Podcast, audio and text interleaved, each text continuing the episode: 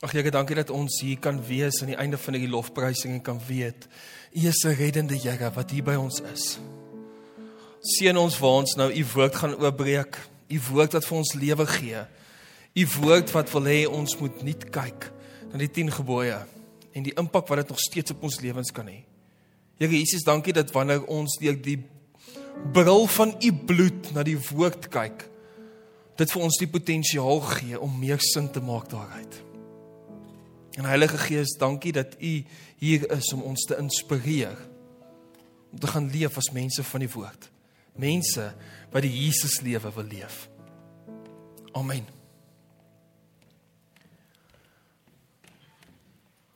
Op maandagooggend 9uur lei die dominee se voorklokkie en hy gaan maak die deur oop soos 'n goeie predikant en by die deur staan 'n man en die man lyk baie bedruk. En hy vra: "Broer, wat is fout?" Hy sê: "Nee, dominee, ek wil met jou praat in jou studeerkamer." En so stap hulle na sy studeerkamer toe en op pad daartoe sê die dominee gou vir sy seentjie Boetie, kyk net gou-gou so 'n bietjie TV want Boetie is 'n bietjie siekerig. En hy sê nou nie skool toe nie. En hulle gaan sit in die dominee se studeerkamer. En die man sit by die dominee en die dominee vra: "Broer, wat kan ek vir jou doen?" En die man vat so diep sug en hy sê: "Dominee, as die 10 gebooie net so bietjie makliker was." En die dominee toe begin hom raad te gee. Hy gee hom raad en hy sê vir hom vra eers vir hom wat is dit wat fout is en die man begin vertel hy het probleme met sy kinders. Sy kinders wil nie vir hom luister nie. Hy's bang hy het hulle ergens langs die pad verloor. En die dominee gee hom goeie raad en hy sê vir hom broer, dis nou wat jy moet doen, stap die pad so op, gesels so met jou kinders, mens moet mooi praat met jou kinders. Hy hou al die teksverse aan. Dis reg en die ou voel die dominee het nou vir hom 'n bietjie rigting gegee. En op pad uit kom die dominee se seentjie na hom toe aangehardloop toe hy besig is om die man uit te sien by die voordeur en hy stamp hom met 'n plastiekkarretjie teen sy enkel en in daai oomblik toe besef die dominee hy het nou amper iets leliks vir sy kind gesê en hy kyk toe maar so vir die man met wie hy gesels het net voor dit hy sê ag broer as die 10 gebooie net so bietjie makliker was 10 gebooie is maklik totdat dit 'n impak het op jou eie lewe, nê. Nee. Hierdie verhaal deel vir ons twee goed oor die 10 gebooie wat belangrik is wat ek wil hê jy vanaand moet onthou. Die eerste een is ons kan maklik nie praat oor die 10 gebooie nie omdat ons wil beter omdat ons bang is ons klink beter weterig as ons vir iemand iets sê uit die 10 gebooie uit. As iemand nie eerlik is op 'n TV-program nie, dan sê jy, ja, daar's 'n gebod vir dit. Jy moenie jok nie, nê. Nee. Moenie valse getuienis bring nie. Dan haal ons dit maklik aan. So hierdie hierdie verhaal deel vir ons dat dit eintlik baie persoonlik is wanneer mense praat oor die wet. En dit is hoekom baie kerke nie altyd praat oor die 10 gebooie nie. Die tweede ding wat dit vir ons wys is die 10 gebooie te manier om ons so bietjie bloot te stel. Die dominee in hierdie verhaal het nie gedink sy eie seentjie gaan hom kom slaan met 'n plastiekkarretjie dat hy amper sy e-mail verloor en ook maar net kan sê as die 10 gebooie net so bietjie makliker was. Die 10 gebooie is op 'n manier 'n gelykmaker. Dis die basis van elke grondwet wat daar heers in die westerse wêreld. So duidelik het die 10 gebooie nog iets vir ons om te sê. Nou wil ek met julle twee navorsingsvoorstelle deel wat ons gaan help om te verstaan hoekom die 10 gebooie makliker is. In Amerika is daar 'n wetenskaplike met die naam van Dan Ariely. Hy het 'n briljante boek geskryf, Predictably Irrational. En in Predictably Irrational praat hy oor dinge wat jy dink op 'n sekere manier uitgebeeld word wat dan op die ou einde bietjie anders resultate vir jou gee as wat jy gedink het. Een van die manier, een van die dinge wat hulle gevind het interessant is, is dat almal jok. Nou verstaan julle hoekom ek net nog gepraat het oor jok. Wie van julle wat hier sit het nog nie gejok nie? Baie mooi. Ons het 'n mooi gesonde gemeente wat almal uitdagings het. Baie mooi. Geluk vir julle. Julle aanlyn kan nou kom en sê ek het nog nooit gejok nie, maar doen dit onder 'n skuilnaam want ons weet almal van ons jok. Almal van ons jok soms, maar Dan Ariely wou uitvind, is daar iets wat ons kan doen om te maak dat minder mense minder jok? Te doen hulle die volgende. Hulle het vir studente gesê, ons gaan vir elkeen van julle in 'n steekproef van 100 studentes 20 wiskundige somme gee om te doen. En as jy klaar is, kan jy jou eie vrae stel, Mac. Jy het 20 minute om 20 somme te doen. Jy maak jou vraestel en vir elke antwoord wat jy sê jy reg het, gee ons jou 'n dollar. Jy maak jou eie vraestel en as hy klaar is, dan sit jy hom agter in die saal deur 'n shredder. Jy weet wat is 'n shredder, nê? Nee. Dis daai goed wat hulle in die flieks gebruik as hulle weet die CIA is op pad, nê? Nee. druk druk hom in die shredder. So niemand gaan weet of jy ooit gejok het nie, maar soos hierdie eksperimente nou gaan, is dit nie 'n regte shredder nie. hulle kan gaan kyk wie het gejok. So, hulle navorsing het gewys almal van ons jok ten minste vir twee van daai somme. Hulle het daai navorsing gedoen in Italië, Spanje, oral. As hulle dit in Pretoria gedoen het, sou die resultate waarskynlik dieselfde wees. Vir almal wat gesê het hulle het 8 somme uit 10 reg, was dit eintlik so 6. Vir almal wat 10 reg het, was dit eintlik so 8. Vir almal wat 4 reg het, was eintlik so 2 en vir almal wat 2, hulle het waarskynlik nie gejok nie. Almal van ons jok so bietjie. Dis wat die navorsing gewys het. Toe probeer hulle kyk of hulle ergens 'n teenvoeter kan kry wat kan maak dat mense nie jok nie. Toe doen hulle twee steekproewe by dieselfde universiteite waar hulle die eerste ronde navorsing gedoen het. Hulle sê vir 100 studente, julle gaan die vraestel doen. Druk hom deur die shredder, elkeen wat jy reg het, ons gee jou 'n dollar. En vir die ander groep sê hulle, julle gaan dieselfde doen alles. Ons wil net hê skryf vir ons net bietjie meer, wat kan jy onthou van die 10 gebooie? Enige iets, mag nie steel nie, mag nie, dit is nou studente so mag nie te veel in Joel kuier nie. Dan really sê dit baie interessante navorsing gekry oor gebooie wat nie bestaan nie. Want hulle wou kyk of die gebooie impak kan hê op mense om meer eerlik te wees en wat dink julle was die resultate? Dit het gehad vir ten minste 96% van daai studente was meer eerlik. Net die gedagte aan die 10 gebooie het gemaak dat hulle anders dink oor 'n vraestel wat hy skryf. Hy het nie nodig gehad om hulle te lees nie. Sy het nie nodig gehad om te weet watter is die 10de en wat is die eerste gebod nie. Net kan jy enige van die 10 gebooie onthou en skryf dit vir ons neer. En wat is die resultaat? Die resultaat is dat mense besef maar dit wat ek hier doen het duidelik 'n groter impak op die res van die wêreld. So as ons vandag as gelowiges sê die 10 gebooie het nie 'n impak nie, dan moet ons ten minste sê sielkundige navorsing wys vir ons dit het tog 'n positiewe impak op ons lewens. Ons leer om meer eerlik te wees. En ek dink dit is hoekom Jesus dan ook in Matteus 5 kom sê, ek het nie gekom om die wette te beëindig nie, ek het gekom om dit sy volle betekenis te gee. Wette maak vir ons sin wanneer ons kyk na dit deur die bril van Jesus Christus. Nou wil ek met julle 'n tweede stuk navorsing deel. Wie van julle het al ooit gewonder of jy die 10 gebooie heeltemal kan nakom? Miskien vir 'n dag, Nou wil ek julle voorstel aan AJ Jacobs. AJ Jacobs is 'n joernalis. As jy net gou van die volgende prentjie kan opsit. AJ Jacobs is 'n Amerikaanse joernalis en hy's 'n Jood. Maar hy sê hy's omtrent Joods soos wat 'n olyfboom Italiaans is. Menende nie vreeslik Joods nie. Hy ken nie eintlik die gebruike van die Jode nie, maar hy's 'n tradisionele Jood. Hy het besluit hy gaan vir 'n hele jaar lank leef volgens al die wette van die Ou Testament. Alles. Alles.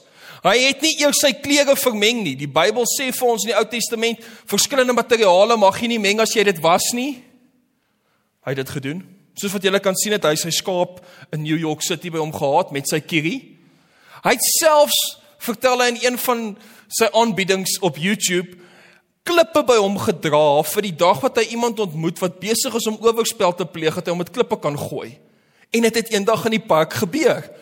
Die oud vir hom vertel, vir hom gevra, "Wat doen jy?" Hy sê, "Ek besig met hierdie Bybelse eksperiment en so en hy die ander ou vra toe vir uit Jacobs, "Kan jy my dalk help? Ek ek sukkel. Ek het 'n verhouding met 'n ander vrou." En ek wil uit dit uitkom. En AJ besef toe maar die Ou Testament leer jou nie dat jy moet regmaak nie. Jy moet die ou met klippe gooi. En hy sê, "Van, ek het klippies." En toe begin hy die ou met klippe gooi en die ou, "Wat's fout met jou?" So 'n bietjie vreemd. Hy het vir 'n hele jaar lank soos die Bybel geleef. The year of living biblically. Maar hy het nie net Bybels geleef nie, hy het ook 'n draai gaan maak by verskillende Christengroepe. En hy het 'n paar dinge raak gesien in Christengroepe wat vir hom interessant was.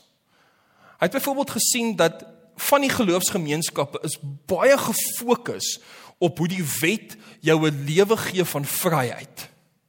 Hy sê en daar het hy baie vreugde beleef. En as 'n buitestander het hy ook 'n draai gemaak by ander gemeentes waar die wet meer prominent daar was om vir jou te sê, jammer vir jou, as jy nie bely nie, het jy moeilikheid. Hy sê en daar het hy niks vreugde beleef nie. Hy het gevoel hy wil nie teruggaan nie. So tussen Dan Ariel en AJ jo AJ Jacobs se navorsing kom ons twee goed agter. Die eerste een is die wet leer ons om meer eerlik te wees en die tweede ding wat belangrik is saam met dit is die wet skep vir ons die potensiaal om meer vryheid te beleef. En wanneer dit doen is daar 'n getuienis na buitekant toe vir iemand soos AJ Jacobs. Ek dink dis waarvan Paulus gepraat het in Romeine 8 vers 2 wat ek graag vir julle wil lees. Dit sê vir ons die volgende: Die wet van die Gees wat aan jou in Christus Jesus die lewe gee, het jou vrygemaak van die wet van sonde en dood. Paulus praat met hierdie gemeente en hy's besig om vir hulle eintlik die wet van God te reinvent. Dis soos die iPhone 5 miljoen. Hy reinvent elke keer op 'n nuwe manier. In hierdie geval is dit so krities vir hulle bestaan dat hy die hele eerste 8 hoofstukke van hierdie brief uitdaan. Hy wil hê hulle moet verstaan dat die wet van God daar is om hulle vry te maak om werklik te leef. En dan sê hy nou, daar's 'n wet van die gees en daar's 'n wet wat hy praat van die sonde en die dood. En wat is die wet van die gees? Die wet van die gees gaan oor die houding waarmee jy kyk na die 10 gebooie en die wet van God. Dis waarvan Jesus gepraat het in die keer wat die disippels wat mense na hom toe gekom het en gesê het, "Het jy gesien jou disippels eet op die Sabbatdag koringare wat hulle in die land opgetel het?" So die die letter van die wet sê, die disippels mag nie op daai dag koringare optel nie.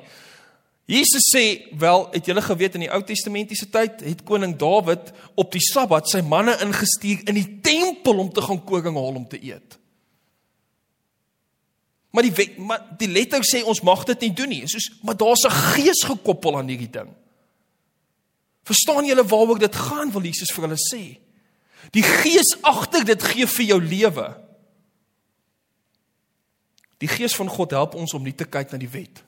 En dan is dit nie 'n manier om die wette oortree om te sê, "O, vandag kan ek nou maar 'n bietjie lelik praat van die konteks laat dit toe nie." Nee.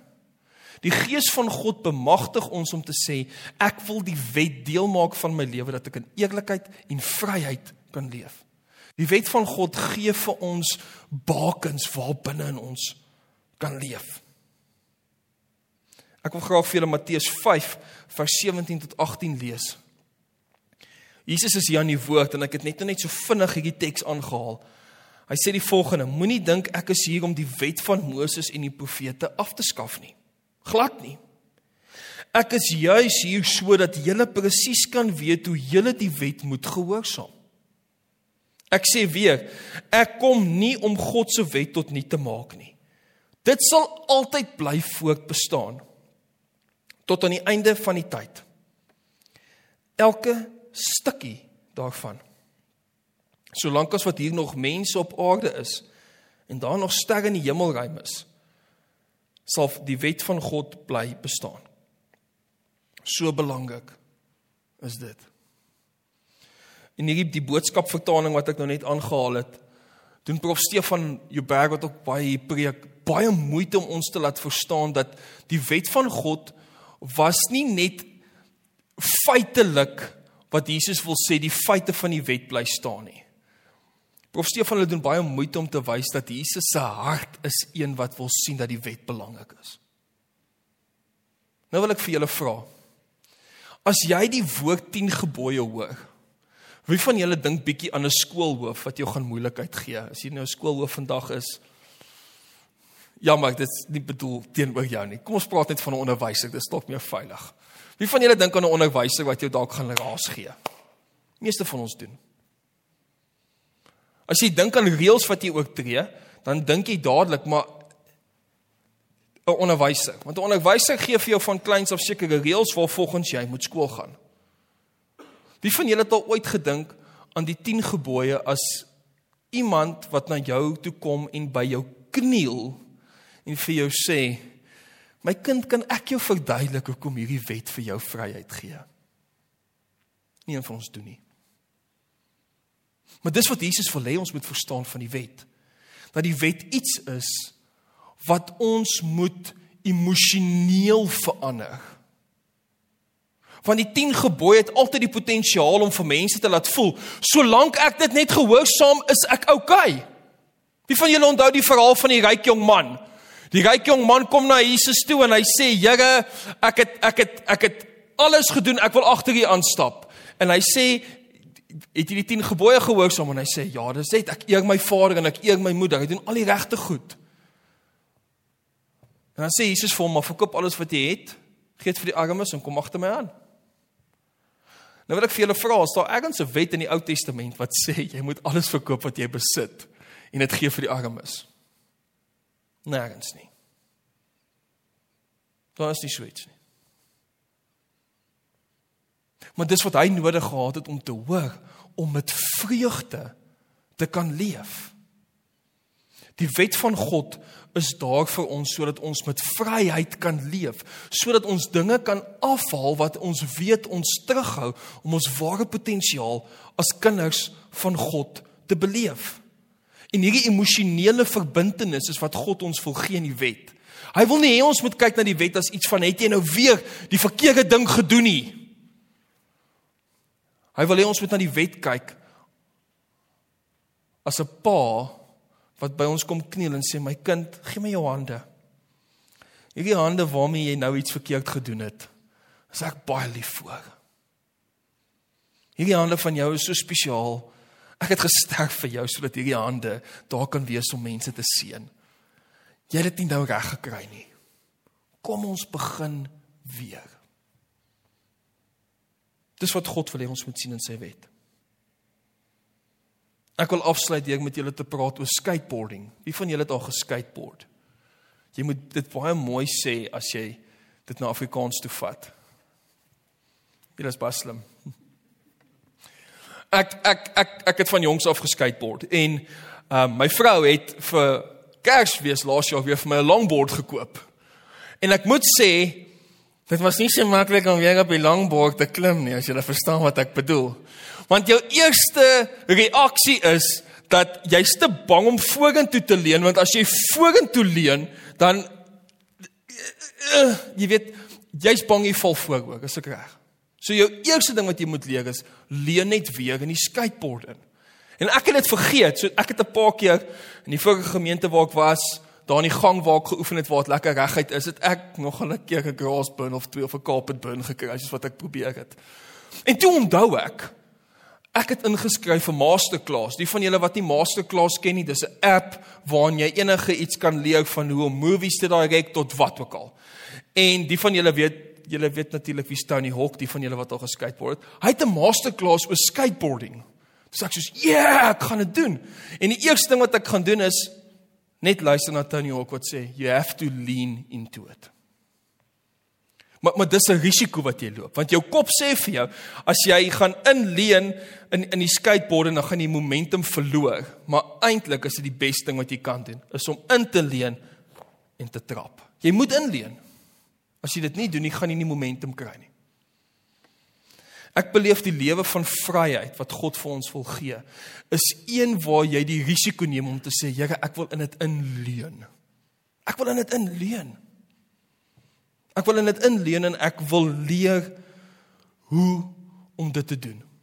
En dit maak dat ek hierdie lewe, hierdie Jesus lewe wil aanpak en wil nie kyk na die wet. Ek wil nie kyk na die 10 gebooie as iets wat my leer om eerlik te leef, leer om met vryheid te leef.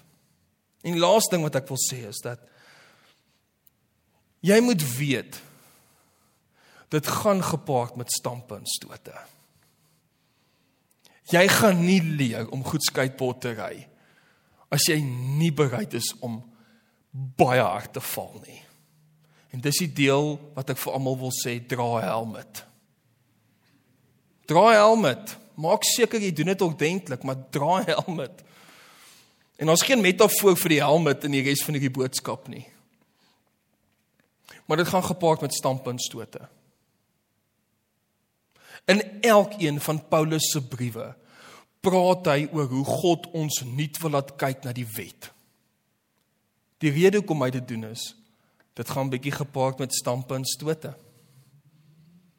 Omtrent die hele evangelie van Matteus gaan gewoon daaroor hoe Jesus Christus besig is om ons nuut te leer oor die wet. Hoekom? Dit gaan gepaard met stampe en stote. Hoekom is ons baie keer bang om die 10 gebooie te lees? Want ons weet ons gaan gekonfronteer word met dinge wat ons nie altyd reg doen nie. Want ek vanaand vir jou goeie nuus, dit gaan maar baie keer gepaard met stampe en stote. Maar vir die van ons wat kies om werklik volgens die wet van God te leef, is daar vryheid want ons weet Jesus Christus laat ons net kyk daarna. Want die stampe en stote die stampe en stote is nie die belangrikste nie. Die belangrikste is die feit dat ons vir Jesus Christus kan ken. Wat vir ons liefdevol kom sê, dis oukei okay as jy geval het. Ek gaan jou help om op te staan. Ek gaan jou help om die Jesus lewe te leef. Kom ons sluit die oë. Here, ons is soms bang om die Jesus lewe te leef met die 10 gebooie ook. Ons wil dit amper hou soos 'n versekeringspolis in Irak. Ons wil hom nie gereeld deurlees nie. Maar ons weet as ons die 10 gebooie deurlees, dan kom ons agter, U wil ons help om te groei in ons verhouding met U en ons verhouding met mekaar. Dat ons die lewe van vryheid kan leef en ons weet die lewe van vryheid is een waar ons herinner word aan die 10 gebooie, maar ook aan Christus. Die Jesus lewe is vir ons een Here waar ons besef as ons foute gemaak het, U elke keer na ons toe kom, ons hande vat. Sê my kind, ons probeer weer. Ek is lief vir jou. Daar's vir jou genade. Daar's vir jou vryheid. Ek dankie vir hierdie pragtige Matteus 5 waar U eintlik vir ons kom sê solank as wat hier nog mense op aarde is en daar nog sterre in die hemelruim is, sal die wet van God bly bestaan. Here Jesus, dankie vir die hart waarmee U ons uitdaag om nie te kyk na die 10 gebooie. Dat ons sou weet dat die 10 gebooie daar is om ons te leer om te leef met 'n nuwe gees. En Here Jesus, dankie dat u deur u gees ook nou kom en vir ons sê, maar ons kan dans. Dans in die vryheid wat u ons gee. Amen.